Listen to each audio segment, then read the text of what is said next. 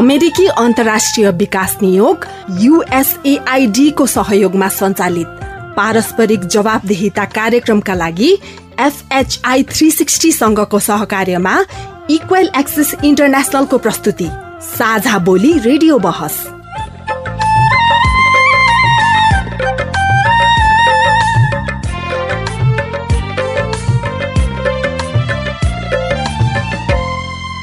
नमस्कार साझा बोली रेडियो बहसमा तपाईँलाई स्वागत छ। म अजय। साझा बोली रेडियो बहसको केन्द्रीय संस्करणमा हामी नागरिक समाज आम संसार माध्यम र सार्वजनिक निकाय बीचको पारस्परिक जवाबदेहिता र आपसी दिगो सम्बन्धका लागि नीति प्रक्रिया र व्यवहारगत स्तरोन्नतिको विषयमा बहस गर्छौं। पारस्परिक जवाबदेहिताका राष्ट्रिय सवाल र परिवेश समेटेर तयार पारिएको साझा बोली रेडियो बहसको यो केन्द्रीय संस्करण हो। यो कार्यक्रम रेडियो नेपालको केन्द्रीय प्रसारणका साथै विभिन्न चौतिस जिल्लाका क्षेत्रीय तथा स्थानीय रेडियोहरूबाट समेत प्रसारण हुन्छ। साझा बोली रेडियो बहसको यस सत्रको केन्द्रीय संस्करणको आज छैठौं भाग हो। झण्डै चार वर्ष अघिदेखि प्रसारण भइरहेको साझा बोली यस वर्ष रेडियो बहसका रूपमा उत्पादन तथा प्रसारण हुन लागेको हो। साझा बोली रेडियो बहसको आजको भागमा हामी हाम्रो शिक्षा प्रणालीका समस्या र सुधारको सम्भावनाको विषयमा बहस गर्दैछौँ।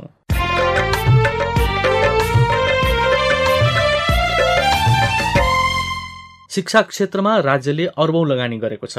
राज्यको लगानी प्राथमिकताको सूचीमा शिक्षा क्षेत्रलाई माथि राखिएको भनिए पनि आवश्यक स्रोत साधन र सोचको अभावले हाम्रो शैक्षिक गुणस्तर दिन प्रतिदिन खस्किँदै गएको छ। हाम्रो शिक्षा प्रणालीले बेरोजगार मात्र उत्पादन गर्यो भन्ने आरोप समेत लाग्ने गरेको छ। शिक्षा व्यवहारिक हुनुपर्छ भन्ने सिद्धान्त चाहिँ राम्रो हो तर व्यवहारमा चाहिँ लागू भएको छैन। विद्यालय र विश्वविद्यालयबाट प्राप्त शिक्षा र सिपबाट थोरै संख्यामा युवाहरू अत्यन्तै सीमित क्षेत्रमा रोजगारी पाउँछन्। बाँकी शैक्षिक प्रमाणपत्रधारी युवाहरूको ठूलो समूह अध्यक्ष श्रमिकको रूपमा विदेशी श्रम बजारमा पसिना बगाउन बाध्य छन् वा देशभित्रै रोजगारीको खोजीमा भौतारिरहेका छन्।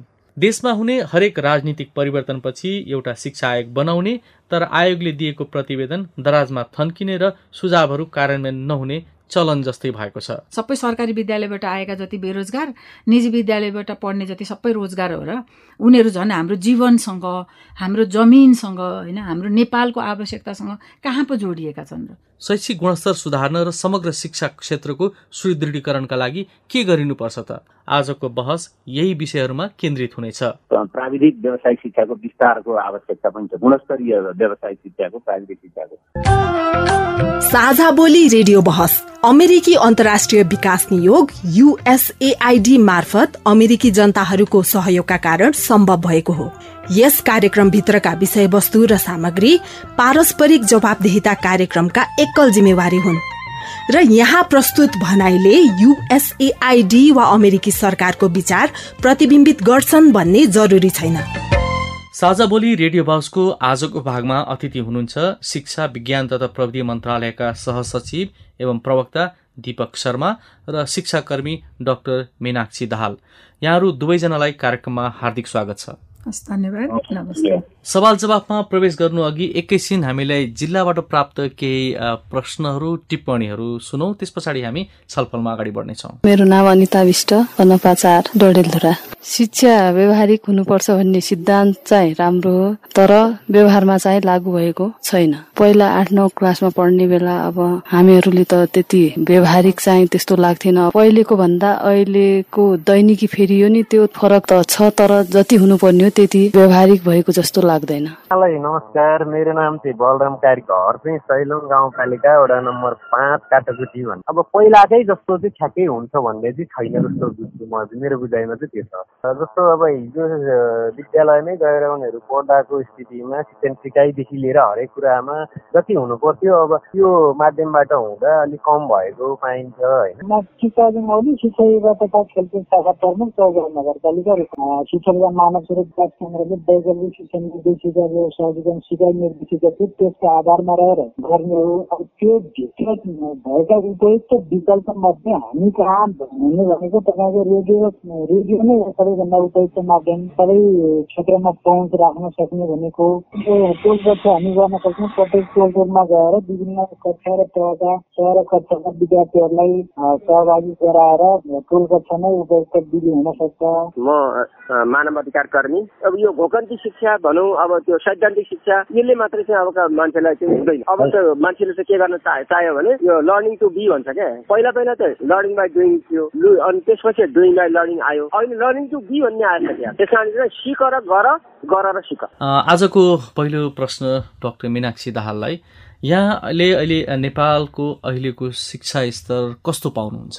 कोभिड पछिको हेऱ्यो भने चाहिँ त्यति सकारात्मक देख्दिनँ मैले होइन? पहिले पनि हामीले विभिन्न प्रकारको शिक्षा प्रणाली भयो विभिन्न खालका बालबालिकाहरू निस्के शिक्षा उसबाट भनेर उत्पादन भए भनिरहने बेलामा अब त झन् सिकाइको तरिका फरक भयो होइन? सिक्ने सिकाउने व्यवस्था फरक भएको हुनाले सिकाइको स्तर चाहिँ सोचेको जस्तो प्रभावकारी छैन सबै क्षेत्रमा हेऱ्यो भने केही होला तर अझै पनि धेरै नै सुधार गर्नुपर्ने र अहिलेको यो परिस्थितिमा चाहिँ अझै धेरै सुधार गर्नुपर्ने चाहिँ देखिन्छ। म यही प्रश्न दिपक शर्माजीले राख्न चाहन्छु। गुणस्तर खस्केको भन्ने विषय चाहिँ होइन तर के भने हामीले अपेक्षा गरे अनुरूप गुणस्तर चाहिँ माथि लान्न सकेको हो भन्ने लाग्छ। कोभिड पछाडिको सन्दर्भमा हाम्रो परम्परागत अध्ययन गर्ने अध्यापन गराउने प्रणाली हाम्रा विद्यालयका संरचनाहरू हाम्रो सामाजिक शैक्षिक परिवेश हाम्रो शिक्षकहरूको क्षमता यी सबै कुरालाई तपाईँले साङ्गोपाङ्गो एक ठाउँमा राखेर हेर्नुभयो भने हाम्रो फेस टु फेस नै सबभन्दा राम्रो विकल्प हो। तर त्यो विकल्प प्रयोग गर्न नसकेपछि हामी के गर्यौँ भने दोस्रो तेस्रो विकल्पहरूमा हामी प्रवेश गर्यौँ त्यसरी त्यो दोस्रो तेस्रो विकल्पबाट आउने रिजल्ट भनेको त्यो पहिलाको जति पनि बराबर त हुँदैन। त्यसैले सिकाइको क्षति लर्निङ लस जुन हामी भन्छौँ त्यो लर्निङ लस त कोभिडको पक्कै छ। त्यसैले कोभिडको कोभिडको प्रसङ्ग त अहिले यो समयमा यो विगत भनौँ न करिब दुई वर्षदेखि यो आएको हो। तर हाम्रो समग्र शिक्षा प्रणालीलाई हेर्दा योभन्दा पनि अगाडि अलिकति फर्केर हेर्दाखेरि चाहिँ शिक्षा प्रणालीले सिप सहितको एउटा रोजगारमुखी जनशक्ति उत्पादन गर्न सकेन त्यसैले यो हाम्रो शिक्षा प्रणालीले चाहिँ बेरोजगार मात्रै उत्पादन गर्यो भन्ने आरोप त बेला बेलामा लाग्ने गरेको छ किनभने मैले तपाईँले भनेको कुराहरूमा आंशिक सत्यता होला। अर्को विषय चाहिँ के हो भने शिक्षाले रोजगारी दिने होइन। त्यो भने के भन्नु होला भने तपाईँ अहिले पत्रकार हुनुहुन्छ। यदि राज्यमा पत्रकारिताको क्षेत्रमा सञ्चारको क्षेत्रमा राज्य मात्रै प्रवेश गर्छ। निजी क्षेत्र जाँदैन भनेको भए अहिले तपाईँ जर्नालिजम पढेका साथीहरू कति रोजगारी पाउनुहुन्थ्यो होला भने मैले एकचोटि सोधेँ त्यसैले यो रोजगारीको विषय चाहिँ के भने त्यही शिक्षाले विदेशमा पायो भने नेपालमा किन पाएन त भन्दाखेरिमा त्यसको अरू पक्षहरू पनि छ। चुनौतीलाई सामना गर्न सक्ने नागरिक बनाउने हो शिक्षाको उद्देश्य। त्यसमा केन्द्रित हो। तर त्यो अवसर सिर्जना चाहिँ नि शिक्षाले मात्रै गर्दैन भन्ने चाहिँ कुरा पनि हामीले अलिकति मनन गर्नुपर्छ। शिक्षा क्षेत्रमा यो व्यथिति सँगसँगै अरू चुनौतीहरू के के छन् त अहिले? बेसिटीलाई पनि हामीले क्याटेगोराइज गरेर हेर्नुपर्छ होइन? अब त्यतापट्टि चाहिँ तपाईँले भनेको कुराहरूमा हामी शत प्रतिशत पर्फेक्ट भए त सुधारको आवश्यकतै पर्दैन सुधारको नारा नै दिनु परेन। अहिले पनि प्रति सयजनामा बालबालिकाहरूमध्ये दुईजना तिनजना विद्यालय बाहिर छन्। तिनका अवस्थाहरू चाहिँ विशेष हुन्छ। त्यसलाई हामीले हार्डकोर ग्रुप भन्ने गरेका छौँ होइन? त्यसको व्यक्तिगत कारणले त्यो विद्यालय नगएको हुन्छ। तिनीहरूलाई ल्याउने सिकाउने एउटा चुनौती हामीसँग हो। दोस्रो चुनौती भनेको गुणस्तरकै कुरा हो। है गुणस्तरमा सुधार गर्ने। त्यो गुणस्तरमा सुधार गर्ने किनभने गुणस्तर हाम्रो चाहिँ हाम्रै हामी आफैले गरेका अध्ययन रिपोर्टहरूले पनि हामीले जुन पाठ्यक्रमबाट सिकाइ उपलब्धि विद्यार्थीमा जति हुनुपर्ने हो त्यो भएको छैन भन्ने देखिन्छ। त्यसैले हामीले हाम्रो केन्द्रबिन्दुमा हाम्रो सुधारको केन्द्रबिन्दुमा रहने गुणस्तरको सुधार हो। है अब तेस्रो चाहिँ व्यवस्थापकीय क्षमतामा सुधार गर्ने। त्यसलाई चाहिँ स्कुल गभर्नेन्समा रिफर्म गर्ने चाहिँ व्यवस्थापकीय क्षमतामा सुधार गर्ने यो तिनवटा मेजर हाम्रा चुनौतीहरू। अब त्यो तिनवटा कुरा गर्नको लागि अनिवार्य तथा निशुल्क शिक्षा ऐन छ कानुनी व्यवस्था हामीले गरेका छौँ तर त्यसलाई पुर्याउनको लागि हामीसँग त्यही किसिमको रिसोर्स चाहिन्छ। है त्यसैले अब गुणस्तर सुधारमा पनि हामीले शिक्षकको क्षमता सुधारमा पाठ्यक्रम सुधारमा तालिममा तपाईँ जेमा भन्नुहोस् त्यसले लगानी माग गर्छ। दिपकजी तपाईँले स्रोतको कुरा गर्नुभयो होइन? आर्थिक वर्ष दुई हजार सतहत्तर अठहत्तरको कुल बजेटको एघार दशमलव छ चार प्रतिशत शिक्षा क्षेत्रले प्राप्त गरेको छ। यो चालु आर्थिक वर्षको भन्दा यो करिब एक प्रतिशतले बढी हो। कुल बजेटको आकार खुम्ची तापनि शिक्षाको विनियोजन बढाइनुले यो क्षेत्रमा चाहिँ सरकारले लगानी गरिरहेको छ भने चाहिँ भनिरहेको छ।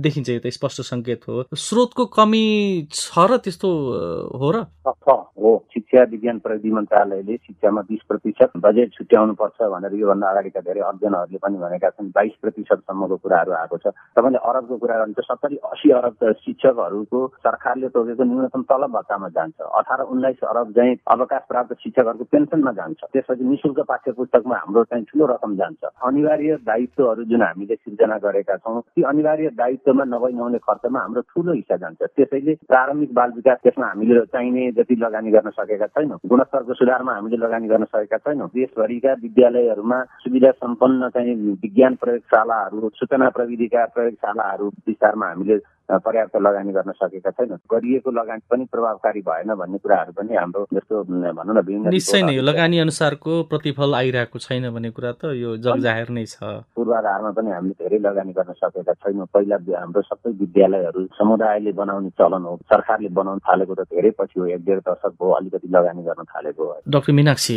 तपाईँ एकजना शिक्षा कर्मीको आँखाबाट हेर्दाखेरि चाहिँ चुनौतीहरू के छन् त? चुहावट पनि छ होइन? पर्याप्त अप्टिमम प्रयोग भएको भएको पनि छैन। साइन्स ल्याब छ जहाँ छ भनौँ न त्यहाँ चाहिँ ल्याब कतिको प्रयोग भएको छ भन्ने प्रश्न उत्तिकै छ। अनि दुईटा पछिबाट हेर्नुपर्छ होला। एउटा चाहिँ आजको जुन बेरोजगार युवाहरू भनेको आजको शिक्षाको स्थितिले होइन होइन? दस वर्ष अगाडि हामीले कसरी उनीहरूलाई पढायौँ सिकायौँ अथवा कस्तो वातावरण दियौँ त्यसको रिजल्ट चाहिँ अहिले आयो। भनेपछि आज जुन विद्यालय तहमा भएका बालबालिकाहरूको अबको पाँच वर्षपछि अबको दस वर्षपछि जाने हुन् नि त बजारमा। त्यो बेलासम्म त माहौल फरक भइसक्छ। भनेपछि अब दस वर्षपछि चाहिँ हामीलाई कस्तो खालको रिसोर्स चाहिन्छ मानव स्रोत चाहिन्छ कस्तो खालको दक्ष शक्ति चाहिन्छ देशलाई कस्तो चाहिन्छ अथवा अन्तर्राष्ट्रिय बजारमै जानलाई पनि कस्ता खालका चाहिँ मानव स्रोतहरू दक्षताहरू चाहिन्छन् भन्ने कुराको आकलन एउटा गर्नुपर्ने महत्वपूर्ण हुन्छ। जुन हाम्रो शिक्षाको नीतिले त्यति राम्रोसँग गर्न सकेको गरेको देखिँदैन। जति पनि भएको छ त्यो न नराम्रो भन्दिनँ मैले। धेरै कामहरू भएका छन् अध्ययन भएका छन् नीति नियम बनेका छन् तर त्यो पनि जसरी बनेको थियो त्यसरी लागू भएको छैन। कार्यान्वयन गर्ने मान्छेको क्षमताको कुरा आउँछ शिक्षकले पढाउनु भएन भने जस्तो भन्यो होइन? पढाउने तरिका भएन भन्छौँ हामीले। शिक्षाको क्षमता अभिवृद्धि गर्न हामीले के गर्यौँ त? अथवा शिक्षाको क्षमता अभिवृद्धि गर्ने जो मान्छे हो जो ट्रेनर होइन तालिम दिने मान्छे हो उहाँको क्षमता चाहिँ हामीले मापन गर्यौँ कि गरेनौँ त? थुप्रै तहमा थुप्रै कुराहरू चाहिँ क्रस कटिङ जस्तो भएर आउँछ क्या जोडिएर आउँछ।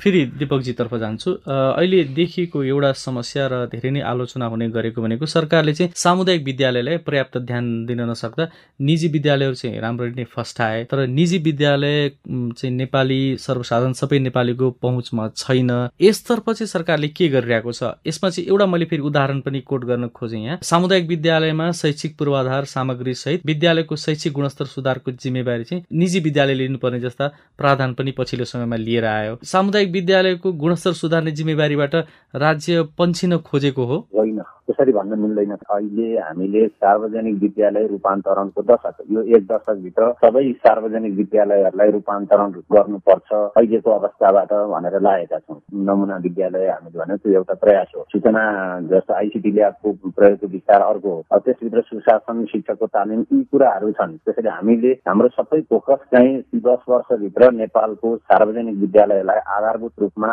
अभिभावक र विद्यार्थीको रोजाइको पहिलो विद्यालय बनाउने भनियो सामुदायिक विद्यालय अभिभावकको पहिलो रोजाइमा परेका छैनन्। यसो भन्दै गर्दा निजी लगानीका विद्यालयहरू सहरी क्षेत्रमा चाहिँ क्रियाशील हुनुहुन्छ। त्यस पछाडि सार्वजनिक विद्यालय भनेको त देशको दूरदराज सबै ठाउँमा छ। पैँतिस हजार विद्यालयहरू मध्ये हाम्रो छ हजार जति चाहिँ निजी लगानीका विद्यालय हो र त्यो अधिकांश सहरमा केन्द्रित छ। अहिले पनि देशमा उल्लेख्य मात्रामा सार्वजनिक विद्यालयहरू छन्। जुन विद्यालयमा भर्ना पाएसम्म विद्यार्थी निजी लगानीका विद्यालयमा जाँदैन सार्वजनिक विद्यालयलाई त्यो संख्या त अत्यन्तै सीमित छ नि न्यून त्यो उन्तिस हजार विद्यार्थी विद्यालयहरूमा चाहिँ त्यो संख्याले चाहिँ एउटा अपेक्षित रूपमा छैन। त्यसबाट सिकेर हामी जाने हो र अर्को चाहिँ जहाँ निजी लगानीका विद्यालयहरूले राम्रो काम गरिराख्नु भएको छ त्यहाँबाट एक्सपिरियन्स सेयरिङ गर्ने भने हो। यो सार्वजनिक विद्यालय निजीलाई जिम्मा लाउने भन्ने हुँदै होइन। कतिपय विषयहरू निजी लगानीका विद्यालयमा राम्रा कुराहरू छन् कतिपय कुराहरू सार्वजनिक विद्यालयमा राम्रा छन्। त्यो दुईटाको एक्सपिरियन्स सेयरिङ गरौँ त्यस्तो एउटा फोरम होस् भन्ने चाहिँ चाहना हो न कि सार्वजनिक विद्यालय चाहिँ निजीलाई जिम्मा लगाएर सरकार घुम्ने भन्ने त्यस्तो होइन त्यो चाहिँ नि तर अलिकति हामीलाई चाहिँ दुःख लाग्छ। हाम्रो त्यो अलिकति अब भाषा शैली एक्सप्रेसनमा काहीँ त्यस्तो भयो होला त्यो अलिकति बुझाइमा फरक भयो तर त्यो होइन।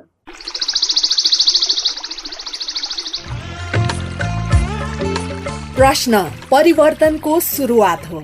जवाफ रूपान्तरणको आधार हो। प्रश्न आविष्कारको जननी हो। जवाफ सुशासनको परिणाम हो। त्यसैले प्रश्न सोधौं जवाफ खोजौं। तपाईँले हामीलाई पैसा नलाग्ने नम्बरमा फोन गरेर आफ्ना कुराहरू भन्न सक्नुहुन्छ। एनसेल प्रयोग गर्नुहुन्छ भने अन्ठानब्बे शून्य पन्ध्र एकहत्तर शून्य उन्तिसमा फोन गर्न सक्नुहुन्छ। एनटिसी प्रयोग गर्नुहुन्छ भने सोह्र साठी शून्य एक शून्य शून्य चार पाँच नौमा फोन गर्न सक्नुहुन्छ। अथवा Boli Sajha at the rate Gmail dot com B O L I S A J H A at the rate Gmail dot कममा इमेल गरेर वा मेरो रिपोर्ट र साझा बोलीको फेसबुक युट्युब ट्विटर टिकटक पोस्टहरूमा सेयर लाइक वा कमेन्ट गरेर पनि आफ्ना कुराहरू भन्नु सक्नुहुन्छ। पारस्परिक जवाफदेहिताका लागि प्रश्न सोधौं जवाफ खोजौं। साझा बोली रेडियो बहस। कार्यक्रममा फेरि स्वागत छ। तपाईँ अहिले पारस्परिक जवाबदेहिता प्रवर्धनका लागि साझा बोली रेडियो बहसको केन्द्रीय संस्करण सुन्दै हुनुहुन्छ। हामी हाम्रो शिक्षा प्रणालीका समस्या र सुधारको सम्भावनाबारे बहस गरिरहेका छौँ। आजको बहसमा हामीसँग हुनुहुन्छ शिक्षा विज्ञान तथा प्रविधि मन्त्रालयका प्रवक्ता दीपक शर्मा र शिक्षाविद डाक्टर मीनाक्षी दाहाल। शिक्षा क्षेत्रका समस्या र आवश्यकताबारे छलफल गर्यौं चुनौतीहरू धेरै नै छन्। अब शिक्षा प्रणालीलाई नतिजामुखी बनाउन नीतिगत रूपमा के गरिनुपर्छ त? यो विषय अझै पनि अनुत्तरित नै छ। तर यो विषयमा सवाल जवाब सुरु गर्नु अघि जिल्लाबाट प्राप्त श्रोताका टिप्पणी सुनौ। म शशिराम विश्वकर्मा राप्ती ज्ञानदेव माध्यमिक विद्यालय छिम्ली रुकुम पश्चिमको प्रह यो आवधिक परीक्षाबाट विद्यार्थीहरूलाई बढी मूल्याङ्कन भन्दा पनि हतोत्साहित गराउने काम बढी हुन्छ। त्यसकारण सरकारले नीतिगत रूपमा निरन्तर प्रणालीलाई मथिल्लो कक्षासम्म लैजाने र त्यो निरन्तर प्रणालीलाई खालि मूल्याङ्कनको एउटा साधनको रूपमा मात्रै प्रयोग नगरिकन त्यसको सर्टिफिकेटलाई पनि प्रमाणीकरण गर्ने आधार पनि त्यो निराङ्कन निरन्तर प्रणालीलाई अगाडि बढाउन सक्यो भने एकातिर विद्यार्थीलाई परीक्षाको बाट हतोत्साहित हुने कुराबाट उनलाई टाढा गराउन सकिन्छ। अर्को कुरो विद्यार्थीलाई निरन्तर प्रणालीबाट मूल्याङ्कन गर्दाखेरि यस्ता बिचमा आउने समस्याहरू महामारीहरू देशमा आउने विपत्तिहरूमा गर्दा यो आवधिक परीक्षालाई रोकिएको बेला त्यसलाई आधार मानेर अगाडि बढ्न सक्ने बढाउनु पर्ने अवस्था आउनुभन्दा पनि नीतिगत रूपमै निरन्तर प्रणालीलाई सधैँ प्रयोग गर्ने भयो भने हामी केही हदसम्म यो शिक्षामा सुधार गर्न सक्छौँ र प्रणालीगत रूपमै सुधार हुनुपर्छ भन्ने मेरो धारणा हो। जानकी बोरा नेपाल राष्ट्रिय शिक्षक संगठन जिल्ला कमिटी अध्यक्ष। शिक्षा नीति बनाउँदाखेरि एकरो शिक्षा नीतिलाई अवलम्बन गराउनु पर्छ उतातिर बोर्डिङतर्फ बढी जाने र यो जुन यो सामुदायिक विद्यालय छ त्यसमा अलिक कम हुने हुनाले यो दोहोरो शिक्षा नीतिको अन्त हुनुपर्छ। यो संवैधानिक शिक्षा आयोग गठन गरिनुपर्छ अहिलेको शिक्षा नीतिमा किनभने यसले गुणस्तर र सक्षम व्यक्तित्वको प्रवेश हुन्छ जसले शिक्षक भर्ना शिक्षक आयोग नीति नियम बनाएर विभिन्न थरीका शिक्षकहरूको समाधानलाई सबै एकै प्रकारका शिक्षकको नियुक्ति यी सबै कुराको समाधान हुन्छ र कक्षागत विषयगत दरबन्दी र सबै शिक्षासँग सम्बन्धित समस्याहरूको पनि यसले समाधान गर्छ र अर्को यो संघीय शिक्षा ऐन पनि बन्नुपर्छ त्यसपछि गएर नगर शिक्षा ऐन बन्नुपर्छ। मेरो नाम सम्झना बनगाउँ स्कुलमा कार्यरत छु। शिक्षा नीति तथा कार्यक्रमहरू केन्द्रमा बसेर बनाउनु भन्दा पनि वास्तविक विद्यालयको अध्ययन गरेर वास्तविक क्षेत्रमा गएर अध्ययन गरेर बनाउनु पर्ने देखिन्छ। र अहिलेको वर्तमान परिवेक्षणमा जुन कोभिड नाइन्टिनको महामारीमा शिक्षा क्षेत्रमा प्रविधिको विकास एकदमै अपरिहार्य देखिन्छ सर। मिल्ने गाउँपालिका दुर्गादेवी माविको प्रभाव शिक्षालाई व्यवसायसँग जोड्नु जरुरी छ। एउटा खालको पढेर पुरो शिक्षा आर्जन गर्नुभन्दा शिक्षालाई व्यवसायसँग जोडेर उसको उसले आफ्नो जीवन निर्वाहको लागि जीवनोपयोगी सिपहरू सिक्न जरुरी भएको कारणले गर्दा एउटा विद्यालयलाई एउटा उत्पादन क्षेत्रको रूपमा विकास गर्न जरुरी भएको कारणले गर्दाखेरि पनि उत्पादनसँग जोड्न कुरा हामीले लाग्नुपर्छ। कुन विद्यालयलाई कस्तो खालको व्यावसायिक रूपमा लैजाने त भन्ने खालको नीतिमै उल्लेखित भयो भने त्यो शिक्षा नीतिले एउटा खालको शिक्षाको समग्र गुणस्तरमा विकास गर्छ भन्ने। डक्टर मिनाक्षी हामीले जसरी अघि हामीले भन्यौँ नि एक खालको जनशक्ति चाहिँ तयार भइरहेको छ। तर उहाँहरू श्रम बजारमा जाँदा जाँदै धेरै कुराहरू परिवर्तन भइसकेको हुन्छ। त्यो श्रम बजारमा जानेको त्यो अवधिको उसमा चाहिँ हामीले जुन जति तयारी हुनुपर्ने हो त्यो हिसाबले पाठ्यक्रमहरू परिमार्जन गर्न नसकेको हो। त्यो पनि हो तर पाठ्यक्रम परिमार्जनको पनि आफ्नै प्रक्रिया हुन्छ होइन? पेरियोडिक आवधिक हुन्छ एउटा सर्टेन अवधिभित्र त्यो पाठ्यक्रम प्रयोग भएपछि अनि आवश्यकता के हुन्छ अब विश्व बजारमा कस्तो खालको जनशक्ति चाहिन्छ त्यो हिसाबले पनि बिस्तारै बदलिँदो परिवेशलाई एड्रेस गर्ने गरेर पाठ्यक्रम परिमार्जन हुने हो। क्रमशः भइराखेको छ। जनमानसमा सार्वजनिक विद्यालय सरकारी विद्यालयमा चाहिँ पढाइ नराम्रो तर प्राइभेटहरूमा निजी विद्यालयमा चाहिँ पढाइ राम्रो भन्ने जुन कुराहरू आएको छ। र कतिजनाले चाहिँ भनौँ न निजीबाट सिक्नुपर्छ भन्ने बेलामा पढाइको गुणस्तर सिकाइ के हो बालबालिकाको भन्ने कुरामा चाहिँ मैले जहिले पनि निजीलाई प्रश्न गर्छु। अहिले हामीले जुन कुरालाई गुणस्तर भनेको छौँ त्यो पक्कै पनि होइन है होइन? जुन निजी विद्यालयले हामी गुणस्तरीय शिक्षा दिन्छौँ भनिरहनु भएको छ एक दुईवटा अपवाद बाहेक समग्र एउटा व्यक्तित्व विकासको लागि। होइन एउटा मान्छे पूर्ण क्षमतावान बनाउनु पर्यो नि। त्यो व्यक्तित्व विकासको लागि चाहिँ निजी विद्यालयले गरेको गुणस्तरमा हामीले हेऱ्यो भने त्यो छैन। तपाईँले त्यो भनिरहनु हुँदा नि मसँग एउटा यहाँ तथ्याङ्क छ। काठमाडौँ उपत्यकामा हाल कुल सात सय बिस विद्यालय सञ्चालनमा छन्। तीमध्ये छ सय चालिस निजी नब्बे सामुदायिक विद्यालय छन्। ती विद्यालयमा अध्ययनरत विद्यार्थीको संख्या करिब दुई लाख तिस हजार छ। त्यसमध्ये सामुदायिक विद्यालयमा अध्ययन गर्ने चालिस हजार मात्रै छन्। बाँकी एक लाख नब्बे हजार निजीमा छन्। यो यसले के यो सङ्केत गर्छ यसले चाहिँ एउटा यस्तो खालको फेसन जस्तो देख्छु कि मैले चाहिँ होइन? निजी विद्यालयमा पढाएपछि चाहिँ निजी प्रतिष्ठाको निजी विद्यालयका पनि आफ्नै खालका कख गग वर्ग छन् होइन? नेपाल सरकारले अथवा शिक्षा मन्त्रालयले चाहिँ कहाँनिर गलत गर्यो भन्ने मलाई लाग्छ भने गुणस्तरको चाहिँ के हो त हाम्रो गुणस्तर? हामीले खोजेको शिक्षाको गुणस्तर होइन? अनि बालबालिकामा सिकाइ उपलब्धि के हो त भन्ने कुरा चाहिँ दुवैतिर समान रूपले मापन गर्नु पर्थ्यो बालबालिका जहाँ हुन् होइन ती चार कक्षाका हुन् दुई कक्षाका हुन् अथवा दस कक्षाका हुन् यति पढेको हुनुपर्छ भन्ने चाहिँ मापन हुनु पर्थ्यो त्यसमा नियमन हुनु पर्थ्यो रेगुलेसन हुनु पर्थ्यो त्यसको सट्टामा विगत हामी दस वर्षदेखि के गर्यौँ त भन्दा ए टाई झुन्डाइदियो भने चाहिँ बच्चाहरू चाहिँ आउँछन् भनेर विद्यालयमा सित्तैमा होइन सरकारी विद्यालयमा टाई दिन थाल्यौँ युनिफर्म दिन थाल्यौँ। हामीले चाहिँ त्यो बढी चाहिँ डेकोरेटिभ कुराहरूलाई याद गऱ्यौँ तर मेन बच्चाको सिकाइलाई अनि सिकाइमा पनि त्यो सिपलाई होइन उनीहरूको समग्र व्यक्तित्व विकासलाई चाहिँ हामीले प्रमोटै गरेनौँ कि। अनि अभिभावकहरूमा पनि के भ्रमपा छर्दी राख्यौँ भने ए त्यो चाहिँ राम्रो हुने रहेछ। अनि त्यो हिसाबले चाहिँ हामीले विद्यालयहरू शिक्षकहरू अथवा व्यवस्थापन समितिहरूलाई तयार गरेनौँ। पक्कै पनि गभर्नेन्सको हिसाबले हेऱ्यो भने निजी विद्यालयमा होला राम्रो बेरोजगार हुने भनेको। सबै सरकारी विद्यालयबाट आएका जति बेरोजगार निजी विद्यालयबाट पढ्ने जति सबै रोजगार हो र उनीहरू झन् हाम्रो जीवनसँग हाम्रो जमिन दिनसँग होइन हाम्रो नेपालको आवश्यकतासँग कहाँ पो जोडिएका छन् र एकदमै थोरै छन् भनेपछि हामीले शिक्षाको गुणस्तरलाई ज्ञान सिप सबै त्यो एउटा समग्रताको हिसाबले त हाम्रो शिक्षा त आएकै छैन नि त जुन जहाँबाट आए पनि। त्यो चाहिँ ठुलो प्रश्न लाग्छ मलाई चाहिँ। दिपकजी यो शिक्षा क्षेत्रमा समस्याहरू छन् यो अब गनेर साध्य पनि छैन। सुधार गर्नुपर्ने पक्षहरू पनि धेरै छन् यसमा पनि दुई मत छैन। सुरुवात कहाँबाट गरिनुपर्छ जस्तो लाग्छ तपाईँलाई? पहुँच र गुणस्तर शासकीय सुधार। यो तिनवटा जीवनलाई हामीले चाहिँ छुट्याएर के के गर्ने भनेर जानुभयो। सुधार त सबै क्षेत्रमा आवश्यक छ। शिक्षाका सबै उपक्षेत्र छवटा उपक्षेत्र छन्। प्रारम्भिक बाल विकास तथा शिक्षा अनिवार्य निशुल्क माध्यमिक शिक्षा प्राविधिक तथा व्यवसाय शिक्षा उच्च शिक्षा अनौपचारिक जीवन पर्यन्त शिक्षा। यो छवटा उपक्षेत्रमा सुधारको आवश्यकता छ। होइन तिनवटा नीतिगत डकुमेन्टहरू हामीसँग छ। एउटा राष्ट्रिय शिक्षा नीति दुई हजार छत्तर हाम्रो गन्तव्य के हो भन्ने कुरा त्यसले धेरै बोल्छ।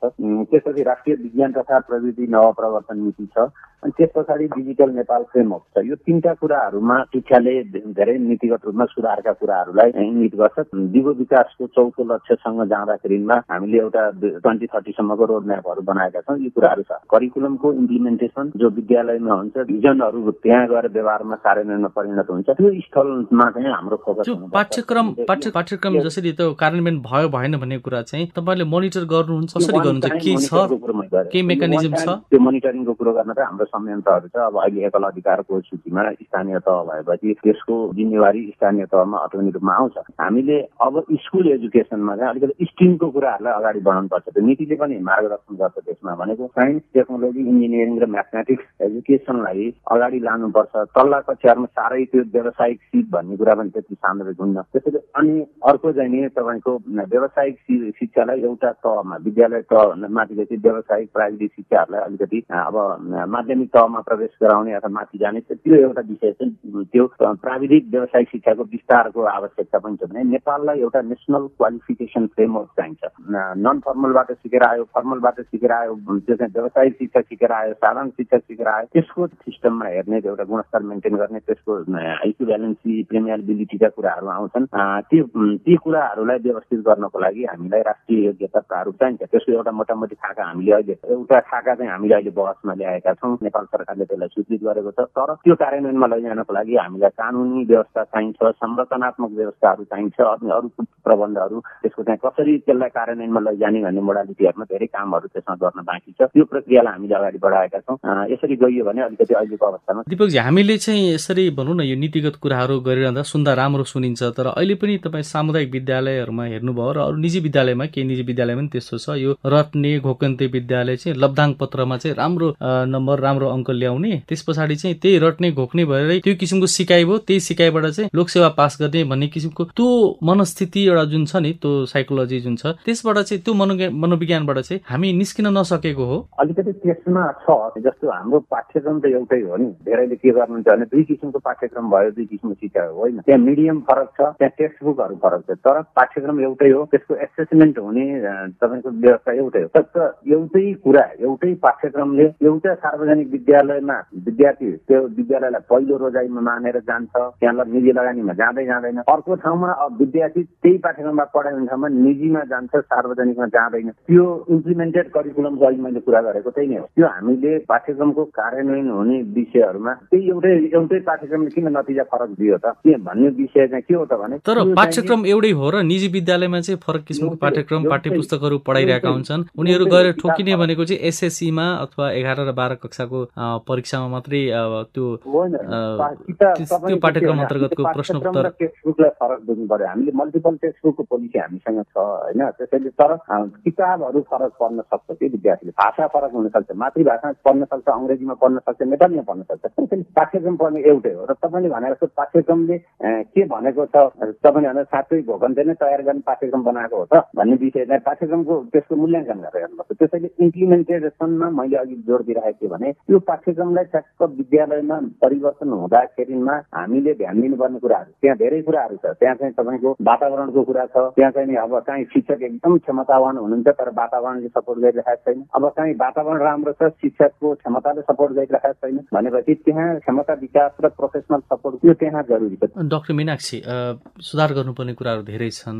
कहाँबाट सुरु गर्नुपर्छ? दुईवटा पाटोबाट भन्छु है। एउटा चाहिँ नीतिगत रूपमा हामीसँग सङ्घीय शिक्षा ऐन छैन त्यहाँबाट सुरु गर्नु पर्यो। किनभने संविधानले तिनवटा तहको सरकारको तिन तहको अधिकार तोकिदिएको छ।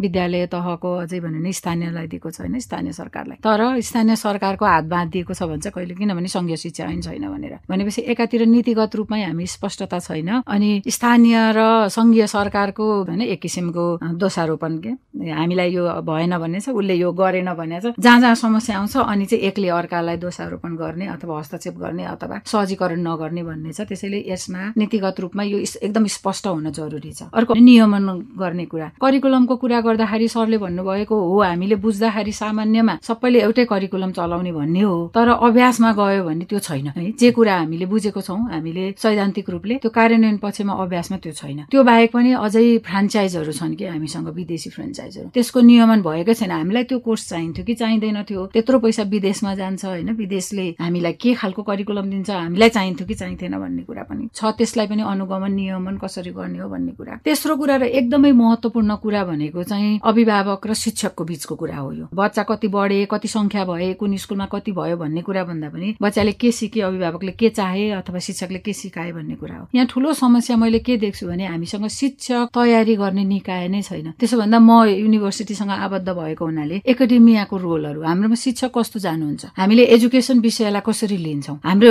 एससीको ग्रेडलाई नै हेऱ्यो भने साइन्स पढ्ने मा होइन अरू विषय पढ्ने अनि केही पढ्न नपाउनेहरू चाहिँ डी ग्रेड ल्याउनेहरू चाहिँ एजुकेसनमा जाने। अनि पछि गएर हामीले सोचेको शिक्षक त त्यहाँबाट जाने भनेर सोचिरहेका छौँ। त्यो एकदमै ठुलो समस्या त्यहाँ छ। भनेपछि हामीले शिक्षक बनाउने प्रक्रिया शिक्षक तयार गर्ने प्रक्रिया कस्तो खालको ज्ञान सिप लिएर शिक्षकहरू विद्यार्थीसम्म पुग्नुहुन्छ भन्ने कुरा एकदम महत्वपूर्ण छ। जुन कुरालाई हामीले त्यति गहिरोसँग लिएका छैनौँ तर दोषारोपण गर्ने काम एकदम धेरै हुन्छ होइन? यसमा राजनीति एकदम धेरै छ। अर्को महत्त्वपूर्ण कुरा भनेको चाहिँ निजी विद्यालयमा राखेका शिक्षकहरूको चाहिँ साँच्चै योग्यता पुगेको छ त। त्यसको खै मापन गरेको? झन्डै झन्डै नब्बे भन्दा माथि प्रतिशत शिक्षकहरू सरकारी स्कुलमा सबै तालिम प्राप्त हुनुहुन्छ। उहाँहरूले कुनै न कुनै किसिमको तालिम लिनुभएको छ भनेर नेपाल सरकारकै आँकडाले भन्छ शिक्षा मन्त्रालयकै।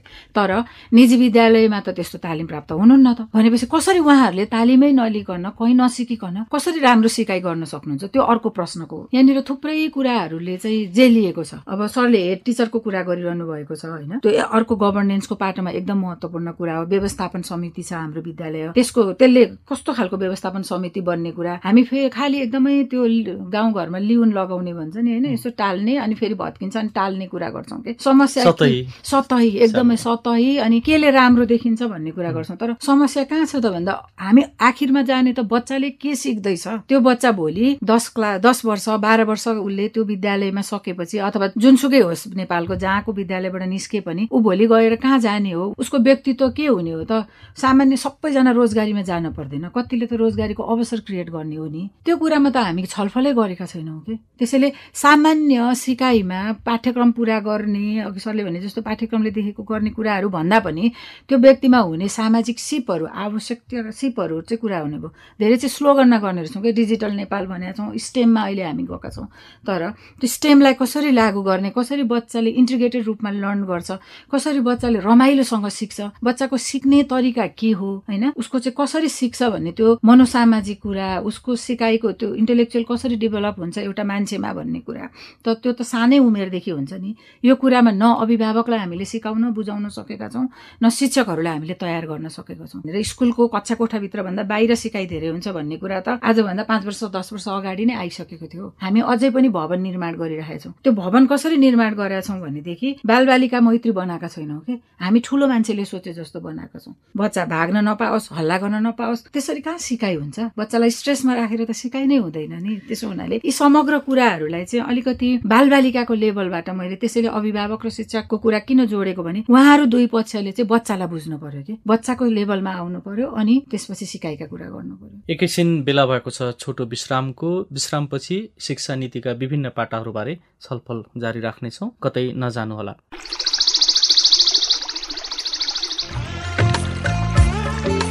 प्रश्न परिवर्तनको सुरुवात हो। जवाफ रूपान्तरणको आधार हो। प्रश्न आविष्कारको जननी हो। जवाफ सुशासनको परिणाम हो। त्यसैले प्रश्न सोधौं जवाफ खोजौं। तपाईँले हामीलाई पैसा नलाग्ने नम्बरमा फोन गरेर आफ्ना कुराहरू भन्न सक्नुहुन्छ। एनसेल प्रयोग गर्नुहुन्छ भने अन्ठानब्बे शून्य पन्ध्र एकहत्तर शून्य उन्तिसमा फोन गर्न सक्नुहुन्छ। एनटिसी प्रयोग गर्नुहुन्छ भने सोह्र साठी शून्य एक शून्य शून्य चार पाँच नौमा फोन गर्न सक्नुहुन्छ। अथवा Boli Sajha at the rate Gmail dot com B O L I at the rate dot कममा इमेल गरेर वा मेरो रिपोर्ट र साझा बोलीको फेसबुक युट्युब ट्विटर टिकटक पोस्टहरूमा सेयर लाइक वा कमेन्ट गरेर पनि आफ्ना कुराहरू भन्नु सक्नुहुन्छ। पारस्परिक जवाफदेहिताका लागि प्रश्न सोधौं जवाफ खोजौं। साझा बोली रेडियो बहस। तपाईँ अहिले पारस्परिक जवाबदेहिता प्रवर्धनका लागि साझा बोली रेडियो बहसको केन्द्रीय संस्करण सुन्दै हुनुहुन्छ। हामी हाम्रो शिक्षा प्रणालीका समस्या र सुधारको सम्भावनाबारे बहस गरिरहेका छौँ। आजको बहसमा हामीसँग हुनुहुन्छ शिक्षा विज्ञान तथा प्रविधि मन्त्रालयका सहसचिव एवं प्रवक्ता दीपक शर्मा र शिक्षाकर्मी डाक्टर मीनाक्षी दाहाल। यसअघि हामीले शिक्षा क्षेत्रका समस्या र आवश्यकताबारे छलफल गर्यौं। चुनौतीहरू धेरै नै छन्। अब शिक्षा प्रणालीलाई नतिजामुखी बनाउन नीतिगत रूपमा के गरिनुपर्छ त? यो विषय अझै अनुत्तरित नै छ। तर यो विषयमा सवाल जवाफ गर्नु अघि जिल्लाबाट प्राप्त श्रोताका केही टिप्पणीहरू सुनौ। म देव कुमारी नेपाली मेरो अहिलेको शिक्षा चाहिँ प्र्याक्टिकल शिक्षा भइदियो भने चाहिँ असल हुन्छ अनि अनि झन् अहिले अनलाइन क्लास भनेर पछि त झन् मोबाइलमा बढी ध्यान दिने अनि फेसबुक युक्तलाई पनि अहिलेको जमान केटाकेटीहरू किशोर किशोरीहरूमा चाहिँ अलिक धेरै समस्याहरू जुन हामीले पाएको छौँ गाउँतिर हामी देख्छौँ। अब मोबाइल नबोकौँ भन्दाखेरि अनलाइन क्लास छ मोबाइल बोकौँ भन्दाखेरि चाहिँ अब उनीहरूको अवस्था त्यस्तो छ किशोर अवस्था। अब अब आमाले केयर गर्न पनि नसकेको अवस्था छ। मेरो नाम डोमा गौरी सङ्कर गाउँपालिका वडा नम्बर सात मार्गु हो मेरो विचारमा चाहिँ अब विद्यालय नै खुल्न पाए छिटो। अब त्यसरी नै विद्यालयमै चाहिँ राम्रो पनि हुन्थ्यो। अब प्रभावकारी पनि विद्यालयमै हुन्थ्यो। अब यो गाउँतिर चाहिँ अलि सबै समस्याको कारणले गर्दाखेरि चाहिँ अलिक असम्भव नै छ। मेरो नाम चाहिँ तुलसी थामी। यो चाहिँ बिरु गाउँपालिका वडा नम्बर होइन। हाम्रो यहाँ चाहिँ अलिकति अब अनलाइन गर्नको लागि अलिक कठिनै हुन्छ। कहिले बत्ती नै हुँदैन गाउँघरमा यहाँ होइन? अर्को कुरा सबै अभिभावकले आफ्नो बाल बच्चाहरूलाई मोबाइल दिन सक्ने क्षमता पनि छैन। यसको लागि त स्थानीय तर्फबाट अनि सरकारी तर्फबाट होइन? सबैको पहुँच पुग्ने गरी अब इन्टरनेटको व्यवस्था हुनु पर्यो होइन? बत्ती अब निरन्तर आउने हुनु पर्यो यसको लागि चाहिँ म मगर रामेछाप नगरपालिका वार्ड नम्बर सात। अबको शिक्षा हिजोको जस्तो पुरानै शैलीमा पुरानै चाहिने मेथडमा पुरानै चाहिने सिस्टममा नभएर समयको माग अनुसार हामीले शिक्षालाई नै परिवर्तन गर्नुपर्छ। यो अङ्ग्रेजी माध्यमको शिक्षा बढी आवश्यक भएको जस्तो देखिन्छ तर त्यो हामीले नबुझेर हो हाम्रै शिक्षालाई पनि अलिकता परिमार्जन गरेर परिष्कृत गरेर समय सापेक्ष लानुपर्ने म मन्जु भण्डारी कन्यापधुरा गाउँपालिका वडा नम्बर दुई डणेलधुरा कोरोना महामारीसँगै सम्पूर्ण पक्षहरू शिक्षा स्वास्थ्य रोजगार र अन्य विकास निर्माणका सम्पूर्ण पक्षहरूमा प्रत्यक्ष प्रभाव परेको देखिन्छ। त्यसमा पनि शिक्षा क्षेत्रमा अझै ठूलो प्रभाव परेको देखिन्छ जसको कारणले सम्पूर्ण बालबालिकाहरूदेखि अन्य अध्ययनरत सम्पूर्ण व्यक्तिहरूको शैक्षिक स्तर माथि बढ्नुको सट्टा एकदमै तल खस्किँदै गइरहेको छ। यो अवस्थालाई सुधार गर्न सम्पूर्ण स्थानीय सरकारले विभिन्न किसिमका कार्यविधिहरू निर्माण गरी कार्यान्वयनमा ल्याएका छन् तर पनि त्यो प्रभावकारी हुन सकिराखेको छैन। दिपकजी तपाईँले भर्खरै सुन्नुभयो हाम्रा श्रोताका केही टिप्पणीहरू। अब यो कोभिड महामारी करिब करिब दुई वर्ष भइसक्यो। यो चाँडै जाने जस्तो देखिँदैन पनि। कोभिडसँगै हामी यो महामारीसँगै बाँच्नुपर्ने जस्तो देखिन्छ। यस्तो यो परिदृश्यमा शिक्षा मन्त्रालयले वा भनौँ सरकारले यो शिक्षासँग जोडिएको कोभिडसँग महामारीसँग जोडिएको समस्याको समाधानका लागि चाहिँ केही नीतिगत निर्णयहरू गरेका छन्? अघि उहाँहरूले उठाउनु भएको विषय चाहिँ अब धेरै मैले सुन्दा चाहिँ के भने शिक्षण विधिको कुराहरूमा उठाउनु भयो अब अनलाइनले पहुँच भएन भन्ने कुरा नि आयो। अनलाइन अनलाइन दिँदा पनि त्यसले हुँदैन त्यो समस्या मद्दत भन्ने कुराहरू गर्नु। वैकल्पिक भनेको अनलाइन मात्रै होइन भन्ने कुरामा हामीले जोड्दै आएको। विद्युत चाहियो कनेक्टिभिटी चाहियो होइन? त्यो कुराहरू भएकोलाई अधिकतम प्रयोग कसरी गर्न सकिन्छ भन्ने कुरा हो र त्यसलाई चाहिँ विस्तार गर्नको लागि बल गर्ने दोस्रो डिभाइसको कुराहरू त्यसमा आउँछ। तेस्रो चाहिँ कतिपय अवस्थामा के देखिन्छ भने कम्प्युटर छ विद्यालयमा तर अहिले डेभलप भएका सफ्टवेयर प्रणालीहरूले त्यसलाई सपोर्ट गर्दैन। त्यसपछि टिचरको क्यापासिटी जो आम टिचरहरूले त्यसलाई युज गर्छ हामीसँग टिचरको क्यापासिटी पनि फरक छ। किनभने कोही शिक्षकहरू एकदमै त्यसमा पर्फेक्ट भेट्नुहुन्छ कोही टिचरहरूको अवस्था धेरै कमजोर छ। त्यो एकै किसिमले एकजना दुईजना टिचर हेरेर एक ठाउँको टिचरहरू हेरेर जनलाइज गर्न सकिन्न अलिकति प्रयत्नहरू गरेका छौँ जस्तो हामीले लर्निङ पोर्टल बनायौँ हामीले आफैले त्यहाँ सामग्रीहरू राख्ने मोबाइल एप बनायौँ जसले मोबाइल प्रयोग गर्न सक्नुहुन्छ त्यहाँबाट सबै पाठहरू चाहिँ हेर्न सकिन्छ। हामीले युट्युबमा एमसिडी भर्चुअल भनेर युट्युबहरू चाहिँ सञ्चालनमा ल्यायौँ फेसबुकहरू प्रयोगमा ल्याएका छौँ जहाँ राम्रा राम्रा टिचरहरूले पढाएको लेसन्सहरू चाहिँ त्यहाँ राखिएको छ डाउनलोड गरेर हेर्न शिक्षकले विद्यार्थीले दुइटैले प्रयोग गर्न सकिन्छ। सबै कुराहरू कति कतिको प्रयोग भइरहेको छ? केही लेखाजोखा राख्नु भएको छ यसको? प्रयोग भइरहेको छ। यसको डिटेल तथ्याङ्क चाहिँ तपाईँलाई। शिक्षा मानव र विकास केन्द्रबाट लिन सक्नुहुन्छ होइन? अब तर अहिलेसम्म हामीले के भने जस्तो हामीसँग कक्षा नौ र दसको सबै हामीले हेऱ्यो भने अडियो भिजुअल हामीसँग दुई हजारभन्दा बढी चाहिँ अडियो भिजुअल पाठहरू हामीसँग छ।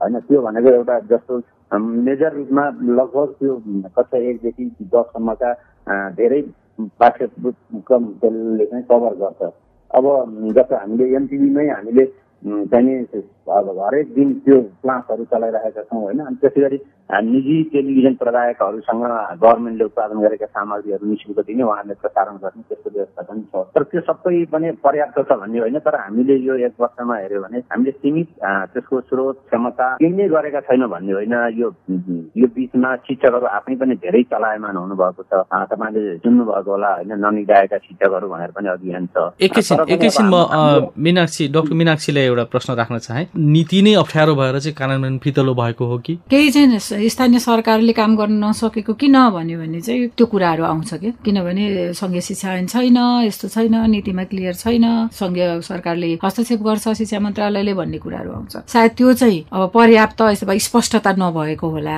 विभिन्न वैकल्पिक माध्यमबाट कक्षा सञ्चालन गर्ने तरिकाहरू भनिरहँदाखेरि पनि हाम्रो सिकाउने तरिकामा चाहिँ खासै ठुलो परिवर्तन भएन। पाठ पढ्ने सकाउने जाँच लिने तरिका रहेछ क्या प्रभावकारी प्रभावकारी चाहिँ भएन। स्वायदन सामग्रीहरू भनेर राखेको छ। यी पुस्तकालयमा यति धेरै रिफरेन्स होइन सिक्न चाहने शिक्षकको लागि। तर सबै एकै किसिमको त होइन। कति शिक्षकहरूले आफै पनि गर्नुभएछ सरले भन्नुभएको कुरामा एकदम म समर्थन गर्छु। तर जहाँ चाहिँ छैन नि जो चाहिँ निधाएका छन् अथवा जो चाहिँ गर्न सकेका छैनन् त्यहाँ घचघचाउने चाहिँ फेरि त्यो प्रावधान छैन कि। त्यसैले गर्नेले आफ्नो हिसाबले गरे होइन। एउटा राजनीतिक यो शिक्षक संगठन सङ्घहरूले आफ्नो आफ्नो किसिमले गरे। जो कतै पनि छैनन् उनी कतै पनि भएनन्। तर बच्चासँग त उहाँहरू हो नि त। त्यसो हुँदाखेरि त्यो रेगुलेटरी मेकानिजम त्यो स्थानीय सरकारले चाहिँ ती सबैलाई समान गर्नुपर्ने उसले सिकिसक्यो तिमीले किन सिकिनौ अथवा के चाहिँ गाह्रो भयो भनेर भन्नुपर्नेहरू धेरै कुराहरू प्रश्न हुँदा हुँदै पनि काम चाहिँ नभएको देखिन्छ।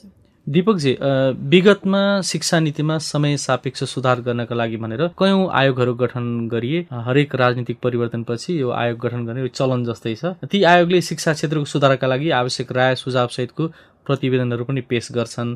तर ती प्रतिवेदन कति लागू भए कति लागू भएनन् यसको केही लेखाजोखा राख्ने गरेको छ मन्त्रालयले? अनि त्यसको विश्लेषण हुन्छ। त्यसको विश्लेषण हुन्छ। अब तपाईँले चाहिँ म्याथमेटिकल पर्सेन्टेजमा चाहिँ त्यस्तो छैन होइन।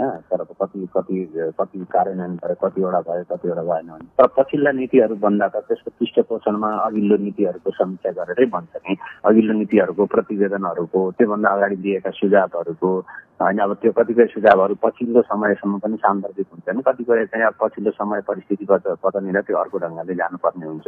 पचपन्न सालमा आयोगभन्दा दस प्रतिशत शिक्षा लगानी गर्नुपर्छ भने दस प्रतिशत त लगानी भयो नि त। नीति आफैमा स्वतः कार्यान्वयन हुँदैन। त्यो नीति कार्यान्वयन हुने भनेको त्यसको चाहिँ अब विधायिकाले ऐन बनाएपछि ऐनमा प्रवेश गरेपछि नीतिले चाहिँ कार्यान्वयनमा सजिलोसँग जान्छ। अब कानुनी व्यवस्था माग गर्छ नीति कार्यान्वयनले कतिपय अवस्थाहरूमा होइन। अहिले पछिल्लो नीति बनाउँदा पनि हामीले जस्तो राष्ट्रिय शिक्षा नीति दुई हजार छयत्तरको कुरा आउँदा पनि अहिलेसम्म भएका अध्ययन प्रतिवेदन त्यो चाहिँ आयोगका प्रतिवेदन मात्रै होइन। सिस्टमभित्रबाट भएका अध्ययनहरू हुन्छ। सिस्टम बाहिरबाट जस्तो युनिभर्सिटीका स्कोलर्सहरूले अब शिक्षाविदहरूले अनुसन्धानकर्ताहरूले गर्नुभएका सान्दर्भिक अनुसन्धान अध्ययनका कुराहरू पनि त्यसमा हेरिन्छ। त्यसैले त्यो हेरेर नै सबै कुराहरू हेरेर नीति बनाइने हो। क्रिटिकल आलोचना चाहिँ हामीले सकारात्मक रूपमै दिनुपर्छ त्यो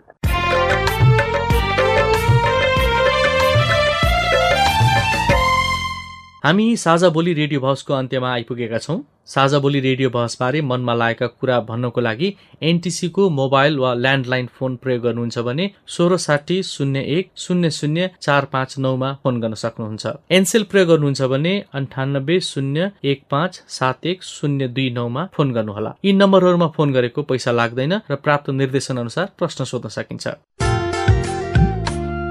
साझा बोली रेडियो बहसमा अब पैसा नलाग्ने टेलिफोन नम्बरमा यहाँले नै फोन गरेर टिपाउनु भएको प्रश्न प्रतिक्रिया र टिप्पणीको पालो।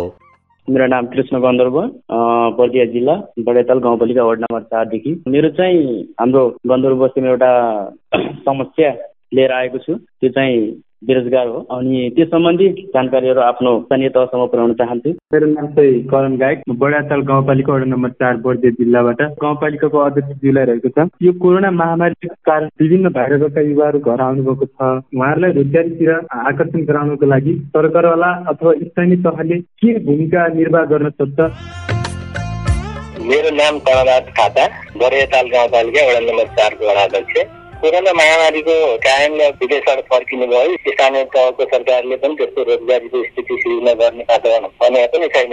तर प्रधानमन्त्री रोजगार कार्यक्रम र मुख्यमन्त्री रोजगार कार्यक्रम भन्ने शीर्षकमा हामीले युवाहरूलाई रोजगारी दिने प्रयत्नहरू गर्यौँ। एकजनाले एक सय दिन बराबरको सार्वजनिक काम गर्नुभयो। तत्कालको लागि बेरोजगार युवाहरूलाई रोजगार दिने त्यस्तो खालको कुनै ठोस प्लानहरू बनाएको छैन। नमस्कार मेरो नाम सन्देश खनाल हो र म अहिले काठमाडौँ बानेश्वरबाट बोल्दैछु। कोभिड भाइरसलाई जुन भ्याक्सिनहरू लगाइएको छ भ्याक्सिन लगाएपछि पनि यो कोभिड सङ्क्रमण चाहिँ बढ्दैछ। त्यहाँदेखि यो बारेमा चाहिँ मलाई यो केही सुन्न चाहेको? म चाहिँ डाक्टर गरिमा श्रेष्ठ। मैले आफ्नो एमबिबिएस चाहिँ मणिपाल टिचिङ हस्पिटलबाट सकाइसकेँ र अहिले चाहिँ म एमडी गर्दैछु यो आर्मी छाउनी हस्पिटलमा। भ्याक्सिन लगाएपछि पनि मास्कहरू लगाएन सेनिटाइजरहरू प्रयोग गरेन सोसियल डिस्टेन्स मेन्टेन गरेन भने इन्फेक्सन सङ्क्रमित नै हुन्छ। तर मान्छेलाई चाहिँ सिभियरबाट बचाउँछ सिभियरिटी क्रिटिकल हुनबाट बचाउँछ। एक्सपायर हुनुभएको बिरामीहरू युजली धेरै चाहिँ भ्याक्सिन नलगाएकै बिरामीहरू छ। तर भ्याक्सिन लगाएको पाँच छ दिन ज्वरो आउने खोकी लाग्ने नर्मल औषधिहरू खाएर चाहिँ डिस्चार्ज भइराखेको छ। तर जुन चाहिँ नर्मली नन भ्याक्सिनेटेड बिरामीलाई चाहिँ अहिले धेरै गाह्रो भइराखेको छ। जति धेरै पपुलेसनलाई भ्याक्सिनेट गर्छौँ त्यति छिटो हर्ड इम्युनिटी प्रोभाइड हुन्छ त्यो भनेको चाहिँ इम्युन हुन्छ। हामी सबै नयाँ भेरिएन्टबाट आउन हामीलाई बचाउँछ। पैसा नलाग्ने टेलिफोन नम्बरमा फोन गर्दै प्रश्नहरू टिपाउँदै प्रतिक्रिया दिँदै र टिप्पणी गर्दै गर्नुहोला।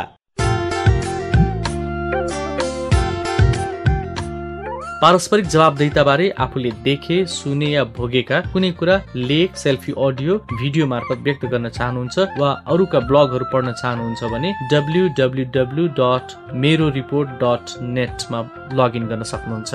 साझा बोली रेडियो बहस तपाईँले मेरो रिपोर्ट वेबसाइट पोडकास्ट च्यानल र सामाजिक सञ्जालहरूमा पनि सुन्न सक्नुहुन्छ। आजको साझा बोली रेडियो बहसबाट विदा हुने बेला भयो। आज हामीले हाम्रो शिक्षा प्रणालीका समस्या र सुधारको सम्भावनाबारे शिक्षा विज्ञान तथा प्रविधि मन्त्रालयका सहसचिव एवं प्रवक्ता दीपक शर्मा र काठमाडौँ विश्वविद्यालय सम्बद्ध शिक्षाकर्मी डाक्टर मीनाक्षी दाहालसँग छलफल गर्यौँ तपाईँ श्रोताका प्रश्न र टिप्पणीहरू पनि सुन्यौँ। हवस् त आजको कार्यक्रमबाट उत्पादन समूहका सबैजना सहकर्मीहरूका साथ म अझै पनि बिदा हुन्छु। नमस्कार।